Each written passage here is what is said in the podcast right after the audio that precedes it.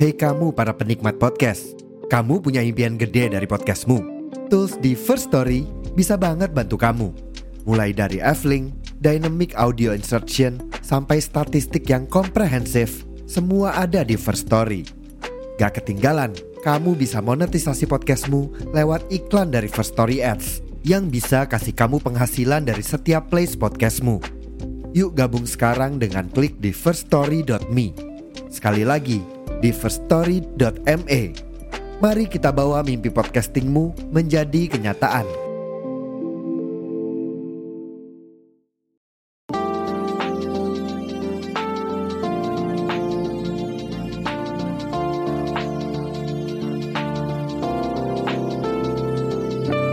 Selamat pagi, siang, sore, dan malam. Kembali lagi di Interisme Podcast, podcast yang bahas berita-berita seputar Inter yang gue kutip dari sosial media dan portal-portal berita olahraga. Kali ini gue ngetek tanggal 12 Mei atau tepatnya pada hari Inter berhasil merengkuh gelar Coppa Italia lagi setelah harus menunggu selama 11 tahun lamanya. Congratulations untuk Inter dan pastinya untuk semua teman-teman fans Inter di Indonesia dan seluruh dunia. Selamat menikmati kemenangan ini. Gak usah dulu lah memperdulikan omongan-omongan fans tim sebelah yang pasti akan ngebahas gak jauh-jauh dari dua penalti yang Inter dapatkan di pertandingan Copa kemarin. Gak usah dihiraukan lah. Kita seneng-seneng aja dulu sebelum nanti hari Senin besok kembali senam jantung lagi ketika Inter menghadapi Cagliari. Sebenarnya agak nggak expect juga Inter bakal menang dengan selisih 2 gol. Gue sih harapannya ya Inter menang tipis-tipis lah 1-0 atau 2-1 gitu. Dan yang penting nggak main ke extra time. Ya walaupun kalah asalkan nggak main ke extra time nggak apa-apa lah. Ya cuman kali ini untungnya kita dikasih menang walaupun harus melalui babak perpanjangan waktu atau extra time. Seperti yang udah gue omongin sebelumnya, terakhir kali Inter berhasil merebut gelar Coppa Italia yaitu pada musim 2010-2011. Di mana di tim itu ada Andre Ranocchia yang berhasil mendapatkan gelar pertamanya di Inter dan kali ini dia juga berhasil kembali mengangkat trofi Coppa Italia tersebut. Kemungkinan besar ini bakal jadi gelar terakhirnya dia di Inter ya karena untuk musim depan kabarnya sampai sekarang Inter belum akan mengaktifkan perpanjangan kontraknya dengan Ranocchia. Jadi trofi Ranocchia bersama Inter kemungkinan akan diawali dengan Coppa Italia dan diakhiri juga dengan Coppa Italia. Nah episode kali ini kalian juga nggak bakal cuma dengerin suara gua doang karena gua akan ngobrol bersama Mas Angga yang merupakan salah satu konten kreator uh, Inter juga. Kalian bisa cek di YouTube-nya yaitu Checking Gita, C E K E I N G G I T A. Kalau sampai sekarang subscribernya udah mencapai 8.400 subscriber. Mas Angga ini cukup konsisten sekali ya untuk mengupload konten-kontennya tentang Inter di YouTube-nya. Tiap hari mungkin pasti ada satu video baru di channelnya. Jadi untuk kalian teman-teman Interisti yang mau dapetin berita terupdate tentang Inter juga, boleh langsung dengerin atau mampir ke channel YouTube-nya Mas Angga di channel Checking Kita. Gak usah berlama-lama lagi, berikut ini adalah obrolan gue dengan Mas Angga yang ngobrolin tentang pertandingan Coppa Italia kemarin, prediksi lawan Cagliari besok, dan sedikit cerita Mas Angga gimana dirinya bisa menjadi seorang interista. Oke, selamat mendengarkan. Selamat malam, Mas Aldi. Halo, selamat malam Mas Angga. Apa kabar bro? Sehat bro? Alhamdulillah sehat lah ya. Gila lo Ya. baru ngebantai Juventus 4-2 masa sakit nggak mungkin lah ya. Iyalah, langsung sehat. Yang sakit juga pasti langsung sehat itu.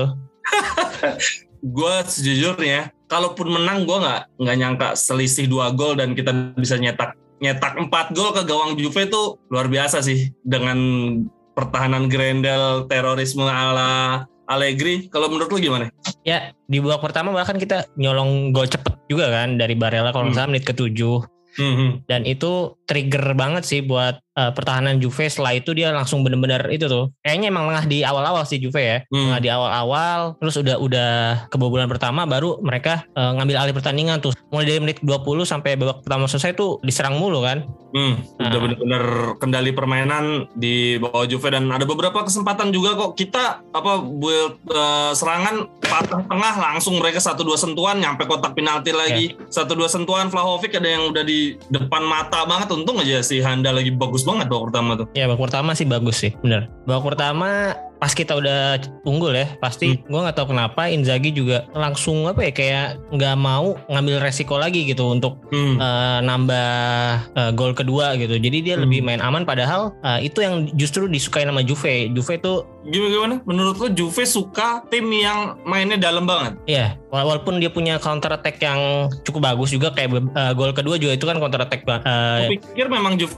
kayak gitu, tipikal ya seneng pertahanannya terlalu tinggi, mereka satu dua sentuhan bawa lari ke belakang nggak gitu ya ternyata mereka itu. Kalau menurut pengamatan lo. ya. eh, nggak tahu nggak tahu benar atau salah ya cuman kalau Hmm. dari beberapa game ke belakang nih Juve kan lawannya juga nggak terlalu susah ya. Kalau kayak Bolonya terus sebelumnya apa Gen eh Genoa atau apa ya yang dia juga nggak nggak menang tapi seri itu ya, ya itu Hmm. ya tipe eh, lawannya kan eh, kebanyakan gitu tuh bukan Hmm. bukan tim-tim yang besar yang bisa menguasai pertandingan nah Hmm. Juve di situ eh nggak bisa nggak bisa memanfaatkan peluang tapi peluangnya banyak juga kalau kalau timnya eh lawan Hmm. tim-tim yang begitu tuh Gue malah eh, ngelihatnya semalam itu ya Juve agak kaget sih. Kecolongan cepet tuh bukan Juve banget karena Juve lebih suka tim yang dia lebih suka didominasi oleh lawan, serangan balik dan ketika akhirnya mereka unggul lebih dulu itu udah Allegri banget tuh unggul, udah tinggal numpuk pemain di belakang banget. Jadi di, babak pertama gue yakin mereka shock banget sih dan ketika di babak kedua unggul cepet lagi mereka malah balik unggul lah itu udah situasi yang memang tujuan utamanya si Allegri itu kayak gitu tuh unggul unggul satu gol cukup tapi dia menurut lo apa yang titik balik akhirnya Inter bisa malah ngebalikin keadaan lagi Menurut gue sih game changernya tuh di Marco kemarin ya. Setelah Hmm. Inzaghi masukin di Marco gantiin di D'Ambrosio. Nah justru hmm. Juve kebalikan ya melakukan yang Inter lakukan di eh, awal-awal babak pertama tuh. Juve sekarang yang Lepas- gantian terlalu lepas deep. kendali kan. ya Heeh, jadi banyak space Hmm. untuk di Marco sama Perisic eh, ngacak-ngacak pertahanan sebelah kanan mereka. Di situ kan ada Cuadrado sama siapa ya? kemarin bek itu kanan tuh. Sandro kan diganti ini Morata dia jadi main 4-3-3 Cuadrado Oh, iya, mundur iya. tapi pas Iya. lagi mereka unggul Bonucci diganti Berna berarti si back ya? Naik hmm. Hmm, iya itu. Jadi kayak Cuadrado tuh bingung ya mau jaga Perisic atau ketika si Di Marco ikut overlap ke depan, ya dia bingung jaga siapa Hmm, gitu jadinya. hmm. Jadi kayak main 4-4-2 maksudnya kita jadi kayak punya dua sayap Perisic dan Di Marco ya kalau Di Marco main. Ya untungnya Di Marco main ketika udah kita ngejar ya. Kalau kita lagi unggul Defense. tuh pasti bakal dibombardir banget sih sisi Di Marco itu. Makanya dia diganti Bastoni juga akhirnya ketika kita sudah Ya. unggul. Iya iya. Tapi ya musuh hanya itu sih. Kalau menurut gue justru paling fatalnya mereka ketika Chiellini cabut sih. Chiellini keluar tiba-tiba kebobolan langsung dua sih mereka. Bonucci kayaknya kakinya udah udah nggak seenteng dulu deh itu dia kasihan ngelihat dia udah nggak kuat kayaknya. Ciel ini tuh ditariknya pas udah imbang ya. Pas masih dua, eh, dua sama ya skor dua sama ya. Mm-mm. Hmm. Pas lagi Chiellini diganti, ya enggak. Iya betul. Pas lagi Inter 2 sama, si Allegri kan tadinya ketika mereka unggul 2-1, Bonucci ganti pemain tengah. Nah, akhirnya mereka back to Oh, uh, iya. normal lagi tuh. Masukin Arthur kalau nggak salah ya.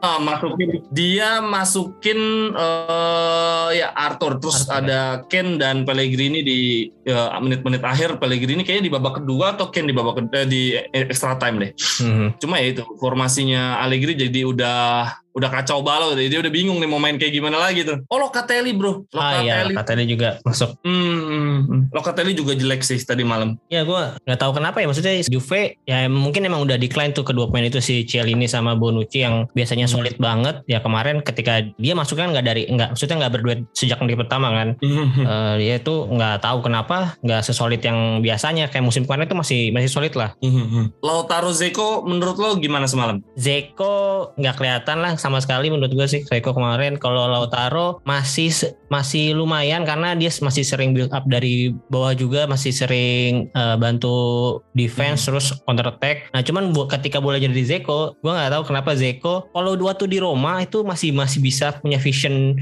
ngasih terupas-terupas ke sayap yeah. atau ke mana ya. Kalau di sini melawan Inter aja menyulitin Inter kok Zeko tuh kayak Ibra yang udah tua tapi sentuhan-sentuhannya masih ada magic-magicnya gitu. Cuman sekarang di Inter parah banget deh. Gue gak ngerti dia emang gak cocok apa emang udah udah kehilangan touch ya.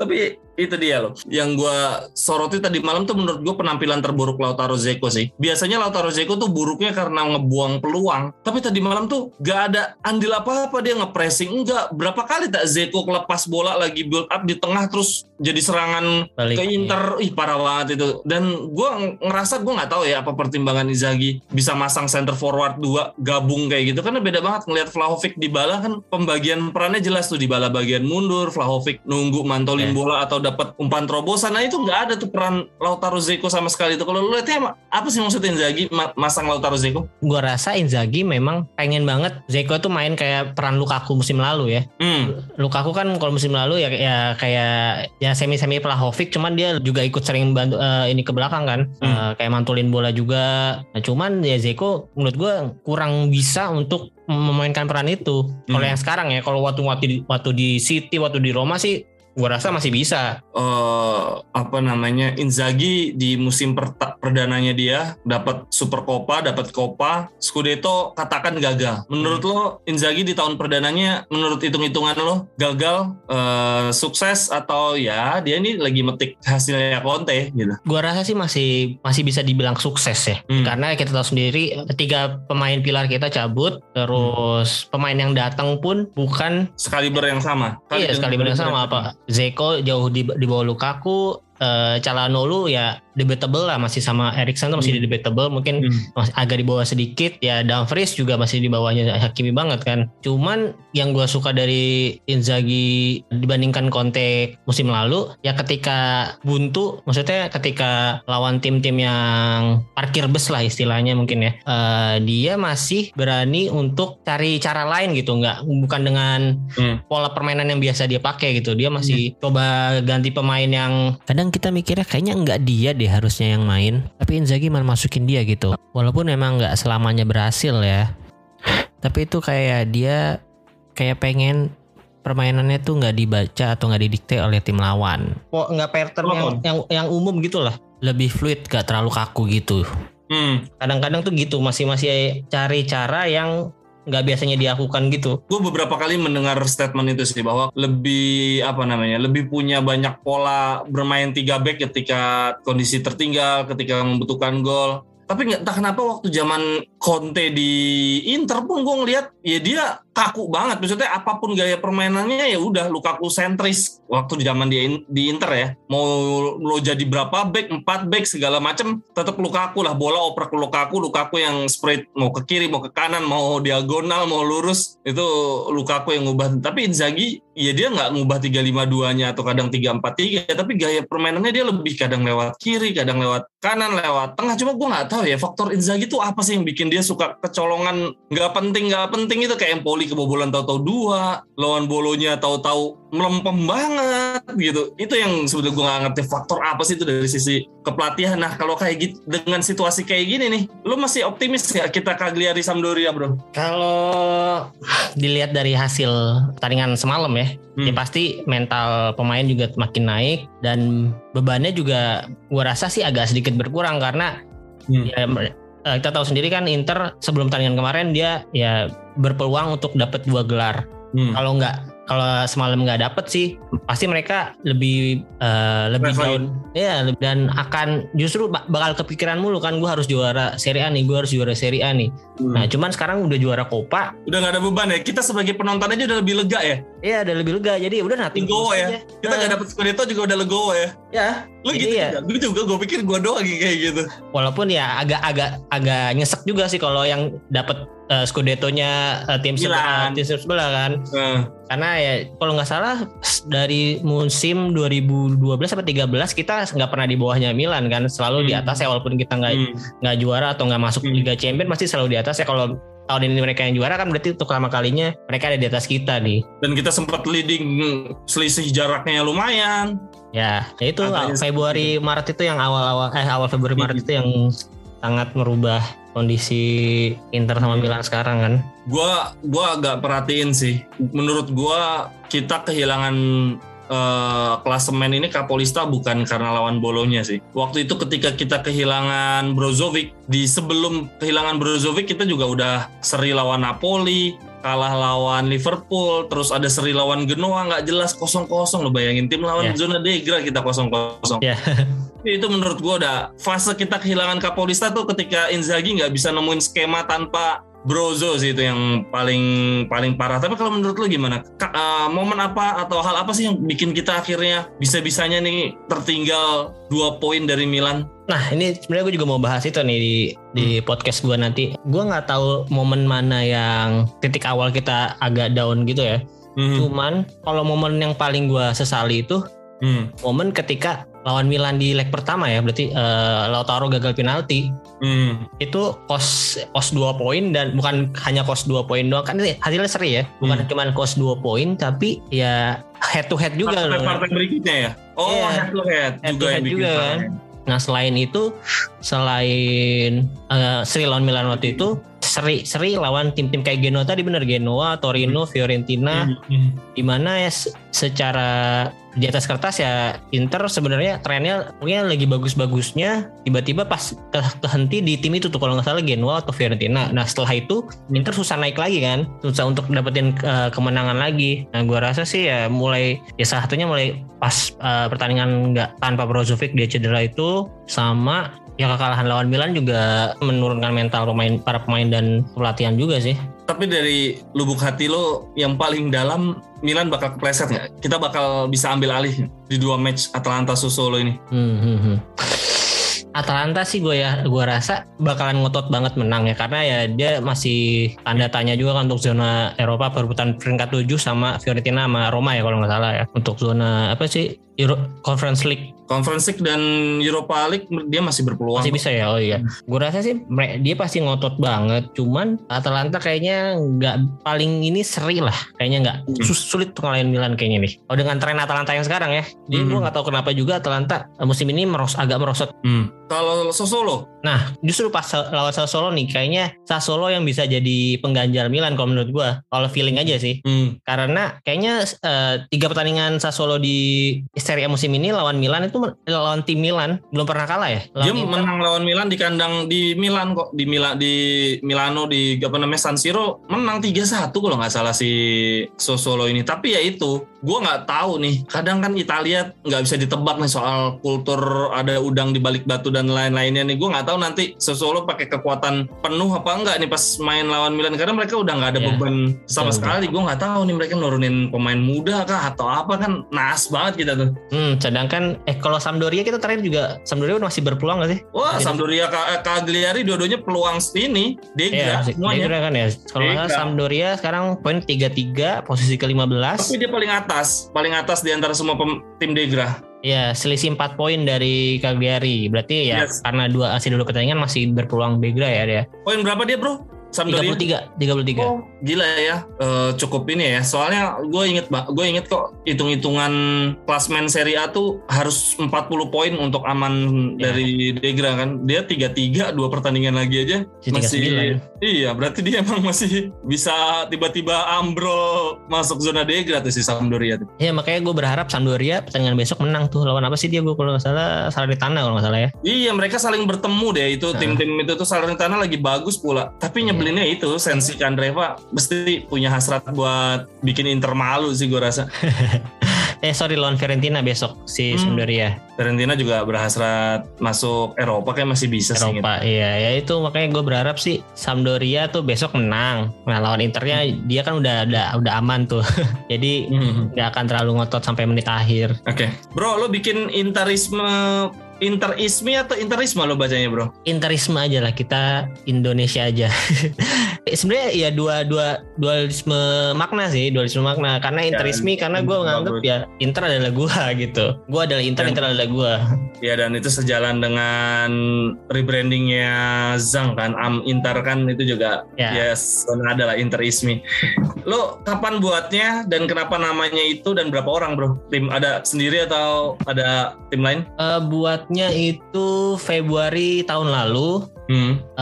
gue sendiri doang karena belum nemu partner aja cuman kalau untuk eh, desain segala macam sih emang gue minta tolong ke temen eh, karena gue nggak bisa desain eh, Desain apa bro? Emang podcast butuh desain bro? desain desain cover atau apa gitu, gitu doang.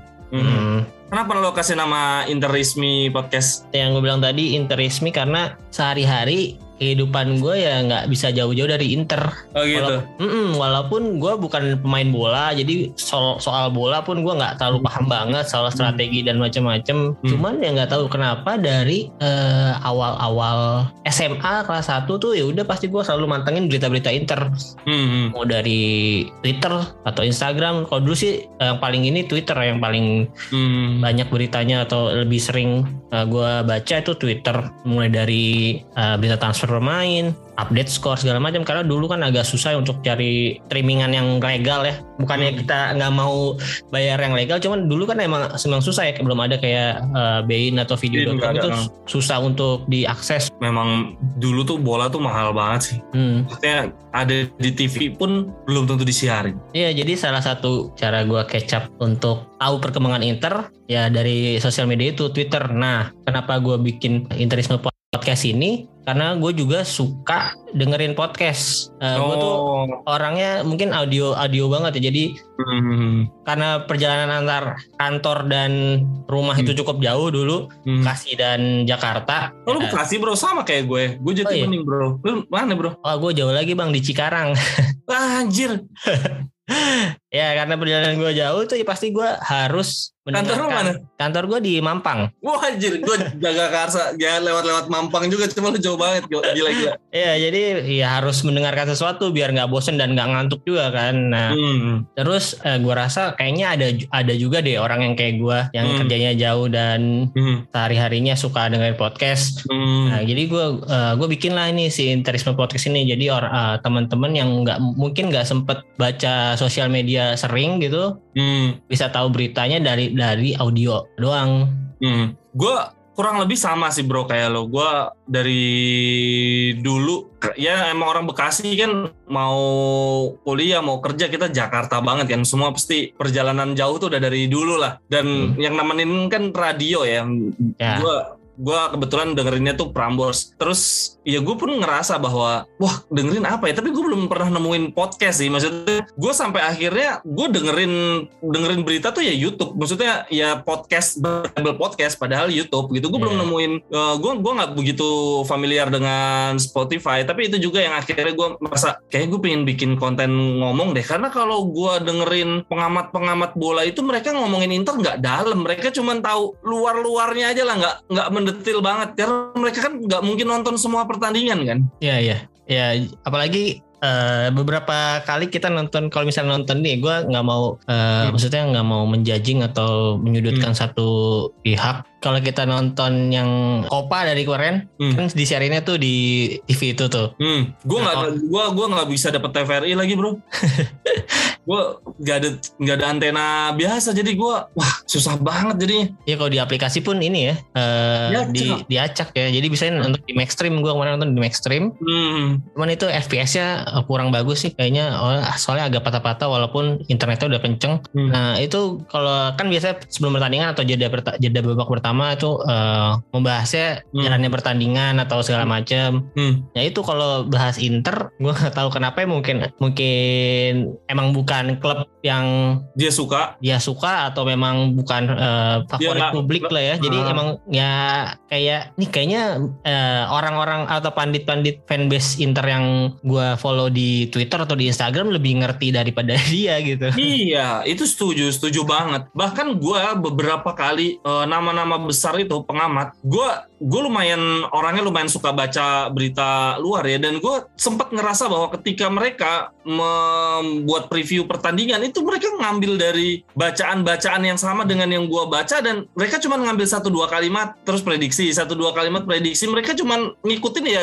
tiga paling maksimal tiga tim besar. Dan itu Liga Inggris maksudnya Liga Italia juga udah nggak masuk ke kehidupan mereka. Jadi bahas Inter tuh nyebut nama pemain kadang salah gitu kan. Mhm. nggak tahu histori pertandingan sebelumnya susah banget. Gue nggak nah itu juga yang akhirnya gue ngerasa kayaknya enak nih bikin konten sendiri dan gue bukan sebagai pusat orang denger ya. Kalau gue lebih kepada gue butuh temen nih nggak buat ngobrolin Inter pas pertandingan sebelum pertandingan. Karena kalau Twitter kan agak terbatas ya. Maksudnya kurang chat sekarang balasnya besok balasnya nanti. Tapi itu, itu, itu cukup menarik sih. Artinya ketika lu bikin podcast kayak gitu ya itu salah satu hal yang menurut gua itu sih bagus banget sih. Asik maksudnya lo lo bisa berani bikin podcast gitu terus gimana bro kalau di podcast yang dengerin Inter cukup banyak gak sih bro tentang Inter Nah, kalau sampai sekarang untuk mendengar gue sih belum terlalu banyak ya. Hmm. Eh, ya emang goals gue tuh selain untuk memberikan berita ke teman-teman yang eh, fans Inter, Hmm. sebenarnya juga untuk ini gue sendiri sih. eh, Bobby ya hobi atau ya buat kepuasan sendiri aja gitu. Eh, punya suatu media sendiri yang di mana kita bisa ngoceh sendiri aja ya. Untuk masalah bener eh, bener atau enggaknya ya yeah. Mungkin nggak seben- eh, nggak semuanya yang eh, kita sampaikan betul untuk paham kok Betul, semua atau- orang eh, semua orang Ah. paham lah maksudnya ya yang di TV aja suka ngaconya parah gitu Ya yang penting seenggaknya gue mau ini aja lah mau berbagi informasi sama ya untuk achievement sendiri aja. Terus lo gimana proses kreatifnya bro? Lo eh, lo rekam, terus ada editing gak sih kalau di podcast gitu? Ada ada ada ya gue dari awal episode awal ya masih raw banget kan ya pokoknya istilahnya cuma record doang ah, nggak gue edit langsung gue naikin. Cuman terus eh, seiring jalannya waktu episode ke mungkin episode ketiga atau kelima itu gue udah pakai editing. Hmm. Eh, gue editing pakai ini aja sih Adobe Audition. Hmm. Ya, cuman potong-potong aja gitu bagian dead air dibuang Hmm. terus noise noise nya dikecilin gitu-gitu Hmm. aja sih Per episode rata-rata berapa menit bro? per episode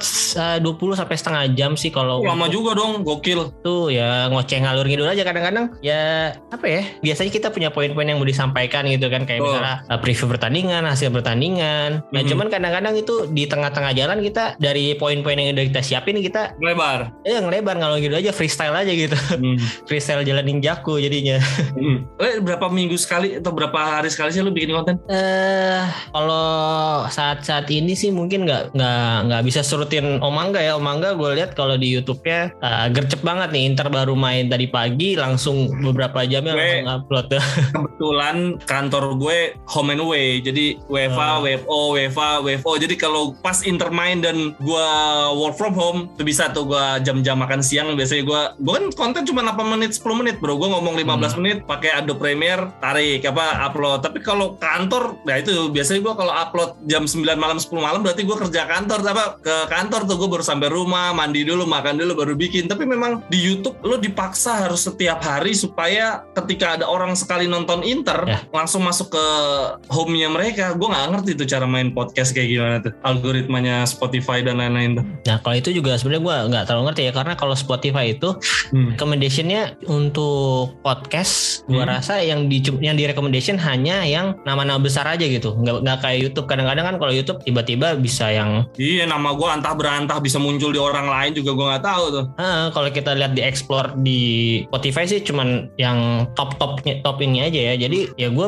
pakai sosial media lain untuk ngepromosiinnya karena eh, kalau nggak lewat itu mungkin eh, susah banget orang eh, nge-search gitu kan kalau di Spotify harus di search kan misalnya Inter podcast atau apa gitu baru baru keluar kan. Kalau misalnya nggak dicari nggak nggak bakal muncul tuh gue rasa. Kalau untuk uploadnya sih gue selalu mengusahakan ikutin jadwal Inter ya. Jadi misalnya Hmm. Inter tanding kapan mungkin sehari sebelumnya atau pas hari itu gue Hmm. upload podcast Hmm. baru Eh, berarti kan seminggu sekali lah ya idealnya Hmm. kalau kalau Inter ada di tengah weekend kalau misalnya bisa gue usahain kalau enggak ya tadi maksudnya setiap minggunya aja satu gitu Hmm. Terus gue juga pengennya kalau pembahasan yang gue bahas di satu episode itu biasanya tuh ada yang kan kalau misalnya kita cuma eh, bahas preview pertandingan atau hasil pertandingan itu harus up to date banget ya harus harus bener-bener pas ketika udah set tayangan itu langsung kita bahas biar nggak out, nggak out of date lah ya. Hmm. Nah makanya gue setiap episode tuh gue coba menyelipkan satu eh, satu-satu poin yang biasanya berhubungan dengan pertandingan tersebut. Misalnya eh, waktu itu musim kemarin Lukaku itu cetak gol cepat Hmm. di pertandingan apa gitu. Nah Hmm. setelah itu gue bahas eh, siapa aja sih pemain selain Lukaku yang uh, Hmm. pernah cetak gol cepat juga terus Hmm. uh, pertandingan apa nah, gitu sih biasanya gue sangkut pautin ke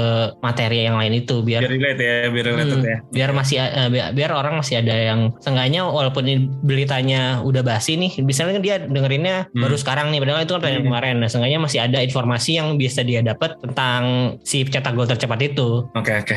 Kalau pada mau teman-teman mau dengerin di Spotify, searchnya apa bro? search aja Interisme Podcast I N T R I S M E Hmm. terus selain di Spotify juga ada di aplikasi Noise itu Hmm. podcast juga aplikasi podcast podcast juga Apa yang membedakan noise sama Spotify gitu bro? sama aja sih kayaknya eh, Noise itu ngambil juga RSS feednya dari Spotify juga dari Hmm. Anchor juga Oh anchornya nge-spread ke noise gitu bisa ya? Heeh. tapi wo- nggak bisa nggak bisa otomatis gue manual kemarin maksudnya emang daftar ke Hmm. Noise-nya gitu Sosial media ada apa aja bro? kalau sekarang cuman ada Instagram sama Twitter aja sebenarnya ada YouTube Aktif nggak? apa Instagram aktif nggak bro? Kalau Instagram kur agak kurang aktif ya karena gue lebih sering baca beritanya lebih enakan tulisan juga sih. Salah satu cara gue eh, agak berkembang ya, gue bisa katakan YouTube gue lumayan berkembang ya karena gue kenalan dengan kayak gue kenalan sama lo gitu. Mhm. Tapi gue lumayan pansos ke ya teman-teman yang di Instagram gitu, yang di Twitter gue ajak collab-collab gitu lah biar followers mereka juga dengerin gue dan Instagram cukup banyak bro. Akun-akun Inter yang followersnya belasan ribu itu ya mungkin bisa lo ajak Ya, collab. ya, Di- rencananya emang begitu sih ke depannya. Oh ya, untuk besok lawan Cagliari Brozovic itu aman kan ya? Nggak miss next match Nggak. kan? Nggak akumulasi kan ya? Karena cuman ya cuman Copa doang ya berarti Super Copa dia nggak main. Super Copa dia baru nggak main ya. Oh, Tapi kan udah ada backupnya, udah ada De Paul lah paling nggak. amin amin. kemarin kan eh sebenarnya harapan gue tuh kalaupun nggak menang kemarin seenggaknya nggak nggak main sampai 120 menit karena Hmm. biar eh, Hmm, lebih fit lawan Cagliari besok. Hmm. Nah menurut lo setelah kita main 120 menit apakah ada- bakal ada rotasi di pertandingan lawan Cagliari eh, dari ini ya dari starting eleven ya? Kalau menurut gue kemarin aja kita udah rotasi tuh. Darmian over si Dumfries kan harusnya biasanya si Dumfries, Bastoni eh, nggak dipercaya main sejak awal karena cedera, belum belum fit. Kemudian di lini depan Zeko Lautaro. Jadi gua rasa yang akan masuk starting line up pemain yang kemarin lawan Juve nggak jadi starting line up, line up ya itu si Dumfries, Bastoni sama mungkin Korea atau Alexis dampingin Lautaro. Jadi tiga pemain itu sih selebihnya nggak akan nggak lah mereka. Karena kan habis lawan Cagliari lawan Sampdoria jeda seminggu kan. Maksudnya normal Ya. lagi mereka bisa istirahat. Udah lah ini sampai bengek sampai bengek dari si Perisic. Jadi Gosen menurut lo masih belum akan main jadi starter? enggak lah nggak akan dia. Kecuali dia doping kayak doping juga kayak Perisic. Perisic doping tuh gue yakin Ya, lu setuju gak Perisic Player of the Season Inter musim ini? Kalau sampai dengan pertandingan kemarin ya, Hmm. dari pertandingan pertama sampai pertandingan kemarin, setuju nggak Perisic jadi Player of the Season untuk Inter ya, bukan untuk Serie A? gue mengkategorikan player of the season ketika pemain itu nggak hadir Inter kelabakan mungkin kalau dari segi kontribusi di lapangan terhadap gol Perisic 9 Brozovic mungkin 8 atau 7 mungkin tapi ketika Perisic nggak ada kita punya Darmian bisa main di kiri kita punya Di Marco gitu dan ketika Brozovic cedera nggak ada yang bisa gantiin jadi menurut gue player of the season tetap Brozovic, ya? kompatriotnya Perisic sih tapi dua pemain terbaik Inter musim ini menurut gue itu tuh dua Balkan itu tuh Iya sih, setuju, setuju. Terus kalau menurut lu musim depan, Perisic kan sampai saat ini belum tanda tangan kontrak baru ya. Musim depan tetap Perisic Gosen atau harus ada nambah satu nama lagi nih untuk LWB? ini nih yang agak tricky nih karena Inter udah juara udah Copa, udah Super Copa gitu ya. Musim lalu Scudetto, artinya Perisic sepertinya udah nggak punya gairah lagi buat nunjukin apa pun di Serie A ya. Gue rasa kalau dia pergi itu jadi cara manis untuk keluar untuk berpisah sih daripada dia keluar dengan cara Cambiaso, Thiago Motta yang treble Hmm. tapi. Perisic Perisic kan selalu bilang dia pengen gaji gede. Kalau nggak salah gue nggak tahu itu berita bener apa enggak. Si Perisic bilang ini bukan cara negosiasi yang baik untuk ke pemain yang punya peran sebegitu besar. Dia dia kayak ngeritik manajemen deh. Gue nggak tahu itu berita hoax apa enggak ya, tapi dia bilang gitu bahwa ini bukan cara yang elok untuk bernegosiasi dengan pemain sepenting gue gitu, terlalu berlarut-larut. Nah, gue nggak tahu tuh apa bener kayak gitu. Sebetulnya kan Berge ini ada di Inter kan, Perisic sudah habis kontrak, udah tua, lo harusnya digaji berapapun udah syukur lo di sini main enak, nyaman, lo nggak perlu adaptasi. Hmm. Cuma masalahnya struktur gaji di Inter tuh agak unik. Pemain yang dapat gaji tinggi tuh pemain-pemain tua yang cadangan, pemain-pemain Yeah. gaek, Vidal, Alexis, Zeko itu kan digaji untuk jadi cadangan gitu. Jadi mungkin Perisic beranggapan bahwa ya itu struktur gaji di Inter tuh terkait usia. Jadi lu semakin tua semakin lo berprestasi, main lo perkara cuma lima pertandingan per musim kayak Alexis Sanchez lu bisa ya itu dia yang gua gua nggak tahu nih, nih tarik-tarikannya seperti apa. Tapi kalau misalkan bisa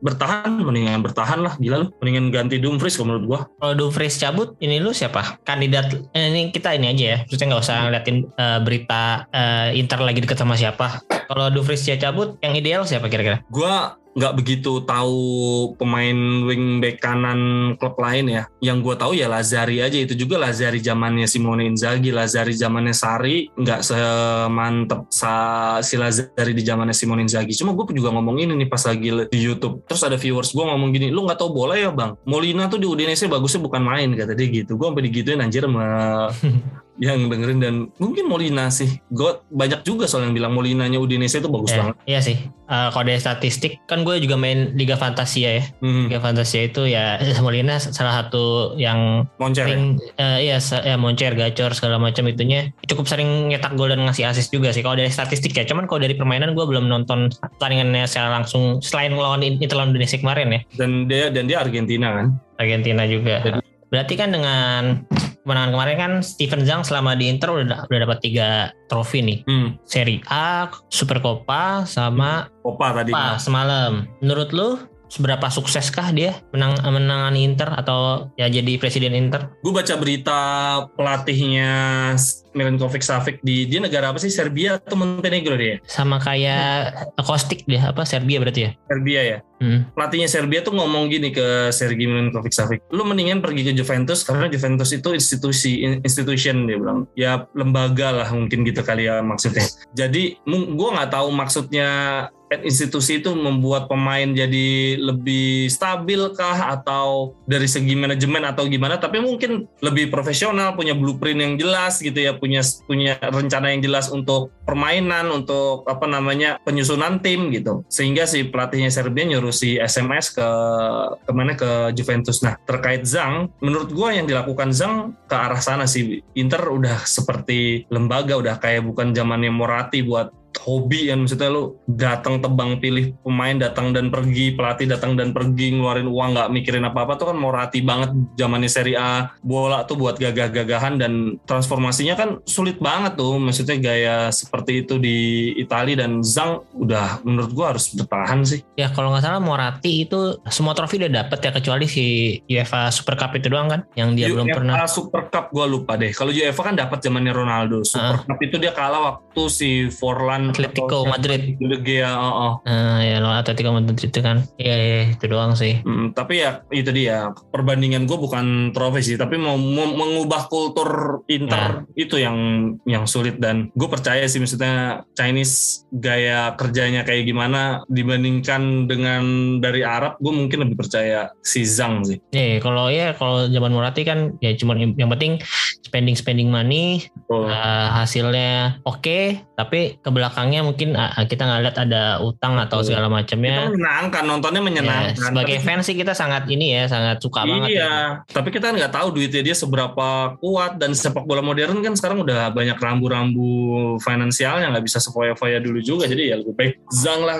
Bisa rebranding logo. Dulu Hmm. ada uh, not for everyone. Gitu kan bisnis itu kan bisnis perspektif banget itu. Bukan bola lagi itu. Dan itu dibutuhkan Inter loh. Nah, terus untuk berbicara banyak di Eropa atau di UCL, menurut lu perlu berapa musim lagi untuk Inter? Kalau Inter musim ini Scudetto musim depan harusnya ngincernya Liga Champion sampai perempat final gitu-gitu ya. Tapi kalau ngelihat Inter musim ini gagal Scudetto lagi, ya masih jauh lah. Maksudnya, gue nggak tahu nih seberapa berpengaruh Scudetto atau nggak Scudetto musim ini bagi keuangan Inter ya. Tapi kalau sampai Inter bisa datengin Dybala, terus nanti dapat kuncinya ini sih ngelihat pergerakan transfer Inter di bala dan satu pemain tengah sih. Karena kan Vidal cabut, berarti kita harus cari satu pemain kaliber jawara Eropa macam Vidal kayak gini nih. Nah ini siapa nih yang datang nih? Kalau yang datang ujung-ujungnya Sassuolo, Cagliari, Fratesi ya udah lah itu Serie A udah nggak usah mikir Eropa. Iya, yang sekarang lagi di itu kan Fratesi sama siapa untuk tengahnya? The Paul Eh, terakhir. The Paul ya. Cuman kalau gue lihat dari trennya Morata be- belakangan ini, eh, justru nama-nama yang sering diomongin tuh malah enggak. Tahu-tahu aja ada nama baru langsung Gocek deal gitu. Iya, iya sih biasanya. Ya semoga aja sih gitu. Dan Hmm. semoga aja nama yang emang bener-bener eh, berpengaruh untuk Inter musim depan. Gue sih dari transfer percaya sih, maksudnya gue sebagai penon- penonton Inter, gue nggak pernah senyaman ini percaya sama manajemen dalam soal transfer ya. Dulu kan zamannya Marco Branca, Ausi, apa Ausielo doang tuh bisa tahu-tahu ada Joe Mario, ada Gabigol nggak jelas datang antah berantah kita kemakan media digadang-gadang begini begitu begitu taunya jelek. Tapi kan sekarang nih semenjak itu kan ada datang Sabatininya Roma, tuh Hmm. lumayan di bawah Skriniar, terus sekarang upgrade lagi Marota dan bagus banget. Jadi gue sih percaya, tapi terkait tadi lo ngomong apakah kita berbicara di Eropa, ya ini kita lihat si Marota belinya siapa gitu. Kalau dia belinya pemain, gue percaya pemain yang dia tunjuk bagus, tapi bagusnya itu untuk level apa itu yang bisa kita lihat kan. Untuk sekedar kayak Sensi Barella bagus nggak bagus, tapi waktu dulu dibeli kan belum bicara soal Eropa, masih bicara soal Ya, lokal. ya. Mhm. Sekarang udah bisa Barella level Eropa. Sensi tapi ternyata kan nggak fit gitu. Oh iya, sorry bang, lu dulu suka Inter itu langsung Inter atau ada tim lain? Langsung Inter gua. Langsung Inter. Dulu ya? sebelumnya gue nggak aja kayak bocah tuh sukanya ya semua semua suka lah gitu. Gue cuman menikmati tonton aja gitu. Cuman Hmm. gue nggak tahu tiba-tiba gimana. Gue jadi gue suka bola itu bro. Gara-garanya gue gue dulu langganan majalah Bobo kan. Gue dari kecil banget tuh gue itu. Terus tiba-tiba di Bobo tuh ada profil Ronaldo. Gara-gara dia dibeli PSV Eindhoven ke Barcelona jadi pemain termahal dunia atau termahal keduanya ketika ke Inter ya. Intinya pas dia dari PSV ke Barcelona tuh dibahas di majalah majalah Bobo. Nah udah dari situ gue tau penasaran bola gitu. Main bola mah dari kecil, cuman kan nonton bola beda beda cerita kan. Ketika bocah ya udah. Semenjak itu gue berubah dari langganan Bobo gue langganan koran bola gue. Gue suka Inter ya gara-gara Ronaldo itu. Ya berarti ya first love lu di Inter si Ronaldo ya. First love sih enggak sih. Jadi lu menurut lu pemain siapa yang eh, buat lu akhirnya memilih oh oke gua gua dukung Inter nih mulai sekarang. Dulu karena bajunya gue. Warnanya wa- apa modelnya? Iya, iya, biru keren banget menurut gue tuh dulu tuh. Iya, nggak jauh beda sama gue juga sih sebenarnya. Iya kayak anak kecil nggak ada nggak ada alasan apa-apa. Tapi karena yang gua ketahui pertama Ronaldo, sehingga yang gue cari tahu pertama Ronaldo yang mana dan kebetulan itu Inter dan bajunya biru. Jadi ya udah gitu. Makanya gue percaya bahwa bola itu kayak lu takdir gitu, udah kayak lu diciptain memang lu suka itu nggak tahu gimana caranya lu nggak bisa milih emang udah diarahin aja gitu. Gue setuju juga tuh. Gue gue sebenarnya udah sempet ngebahas ini. Makanya gue namain podcast gue Interisme karena kayaknya Inter memilih gue juga sebagai fans gitu. Kayak Hmm. semuanya tuh mestakung ya semesta mendukung gitu. Betul Gue pertama suka suka warna biru juga sama. Jadi Hmm. gue tahu bola itu sebenarnya dari awal-awal main ya sama kayak anak-anak lain lah, main main PS eh main Winning Eleven Hmm. tahun berapa ya 2000 lah kalau nggak salah ya. Hmm. Pokoknya yang yang soundtracknya masih Red Hot Chili Peppers by the way itu kalau nggak Hmm. gue nggak salah inget Hmm. itu kan bahasanya Jepang tuh kan kalau yang eh, yang ori ya kaset-kaset ori ya yang belum Hmm. dibajak-bajak itu. Hmm. Nah itu gue nggak nggak bisa baca kan itu Inter yang mana, AC Hmm. Milan yang mana, Juventus yang mana, MU segala macamnya. Nah cuman Hmm. gue suka warna biru, biru hitam. Hmm. Itu kan ya itu kan milih timnya tuh kotak kotak-kotak kecil kan biru Hmm. hitam ya udah gue pilih aja itu. Oh iya iya iya. Nah terus eh gua eh di daerah rumah itu biasa ada yang main bola-bola gitu kan, main bola-bola Hmm. lapangan kecil belum futsal dulu namanya. Terus eh, 17 Agustus ikut tanding, kebetulan juara eh, tim RT, RT atau RW gitu. Hmm. Juara hadiahnya baju bola, baju bolanya Inter. Hmm. Itu eh, nomor punggungnya 20 namanya Rekoba. Nah jadi makin mendukung lagi sebentar bentar Iya. Ambil sesuatu sorry berhubung lo podcast nggak kelihatan sih sebetulnya cuma gue tuh agak agak aneh nih bro. Ini nggak gue tunjuk tunjukin nih ke mana-mana. Jadi gue waktu gue bocah bro gue tuh langganan bola apa segala macem gue gunting gunting gue jadiin album bro. Kayak orang clipping ini ini koran bola bro. Eh, tuh ada ada kayak gini gini gue kumpulin. Dulu gue gue agak maniak baca sih. Ini koran bola nih. Ada ada skor skornya ini zaman zaman apa nih? Roma logonya. Dulu koran bola tampilannya gini nih kalau ada gol segala macem. Termasuk oh ini ada Mancini Montella zaman zaman bocah dulu nih. Mana ya? Kayak ada Ronaldo di sini sebentar kayak ada Ronaldo jadi gue tuh gue kumpul kumpulin kayak clipping gitu nah ini nih, nih berita pertama yang bikin gue suka Ronaldo tuh dia iya apa baru transfer ya, waktu transfer ke Inter ya. Iya, jadi gue bener-bener ya itu. Gue de- berawal dari gue emang gue suka baca. Terus yang gue baca pertama Inter, jadi mau nggak mau gue yang gue gue cari dulu kan, ini orang yang mana sih gitu. Belum zaman game sih dulu. Ketika gue itu belum ada PS sih, jadinya PS tuh ya ketika akhirnya ada PS, udah pasti Inter. Nggak nggak Iya. mungkin. Ya mungkin ya cara kita beda-beda, cuman ya mirip-mirip tadi kan. Eh kayak kita ya emang udah diarahkan ke situ tadi kayak Betul. Mas Angga juga kan. Betul, makanya ketika ada orang ngomong eh, di Italia sana, di Inggris sana sepak bola tuh mirip agama karena orang militan segala macam. Kalau menurut gua enggak. Kalau lo menyamakan sepak bola sama agama, lo merendahkan sepak bola. Menurut gua sepak bola udah gila lagi. Orang agama orang bisa pindah sepak bola nggak ada ceritanya lo suka Inter besok suka Milan tuh nggak ada nggak ada cerita sih. Kalau agama ya kita nggak ini, tapi agama orang masih ada aja yang pindah gitu. Maksudnya kalau lo nyamain sepak bola sama agama nggak ada ceritanya orang suka Juve besok suka Inter tuh nggak nggak ada gitu ceritanya kayak gitu. Setuju, setuju. Ini gue ada satu pertanyaan yang biasanya gue tanyain ke teman-teman yang gue ajak ngobrol di podcast gue. Hmm. Siapa nama pemain yang dari dulu lu pengen banget dia main di Inter, tapi Hmm. sampai sekarang belum kesampaian. Boleh zaman-zaman dulu apa yang baru-baru sekarang? Nah kalau sekarang sih Milenkovic Savic sih. Milinkovic Savic. Milenkovic Savic sih. Cuma ditaruh sekarang posisinya di mana juga gua nggak tahu. Nggak nggak ada tempat lagi karena dia posisinya posisinya Barella sih menurut. Jadi nggak ada tempat sayang banget gitu. Kalau pemain dulu gue pengen banget satu pemain main di Inter tapi akhirnya main di Inter sih. Gue juga nggak ngerti. Tahu-tahu bisa ke Inter gue terus suka Roberto Baggio sih. Dulu Hmm. tahu-tahu bisa ke Inter aja gue kaget banget gitu walaupun cuma sebentar. Oke, gitu aja deh obrolan kita Mas Angga.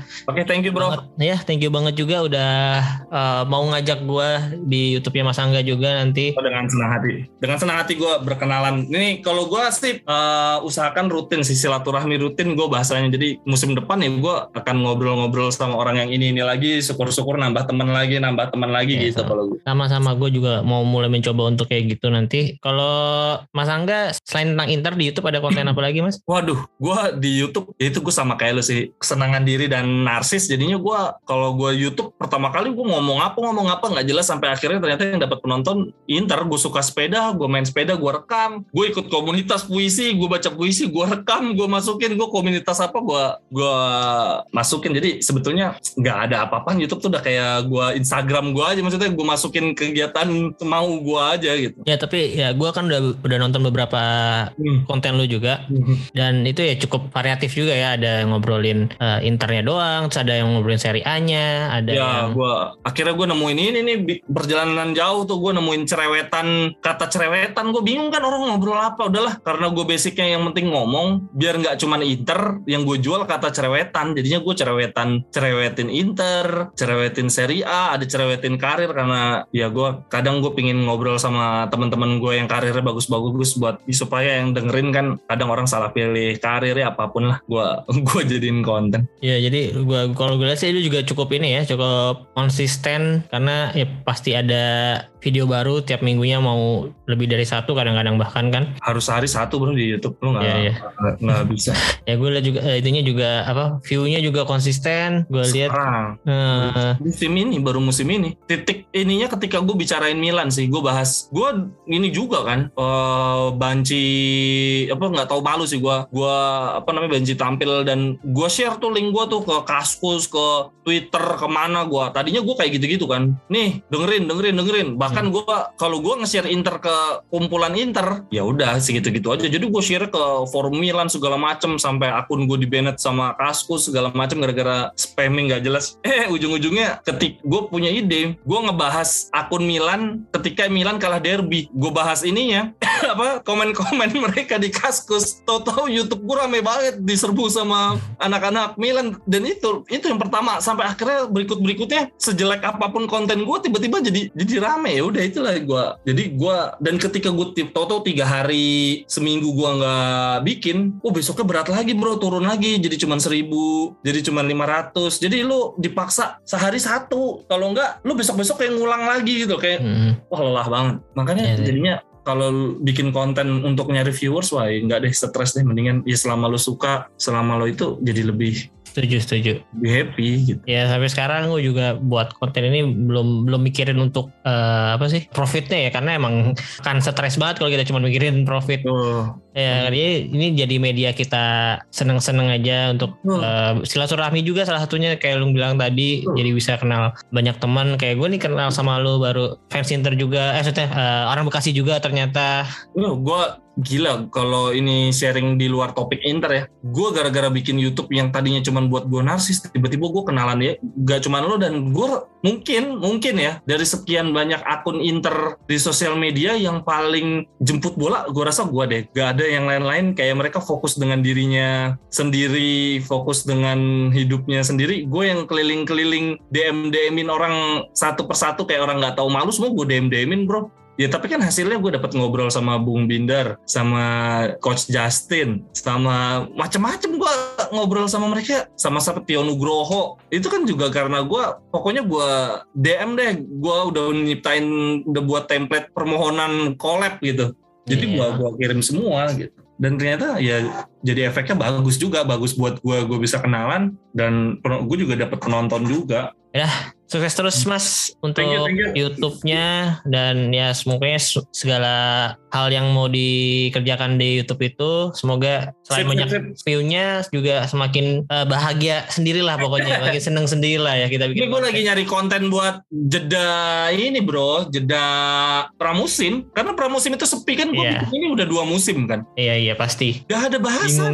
ya bingung mau bahas apa paling Ulang transfer lagi, transfer dibala juga. lagi, dibala lagi, dibala lagi. iya iya makanya ya makanya harus diisi konten-konten lain juga kayak lu bilang Iya. tadi kayak.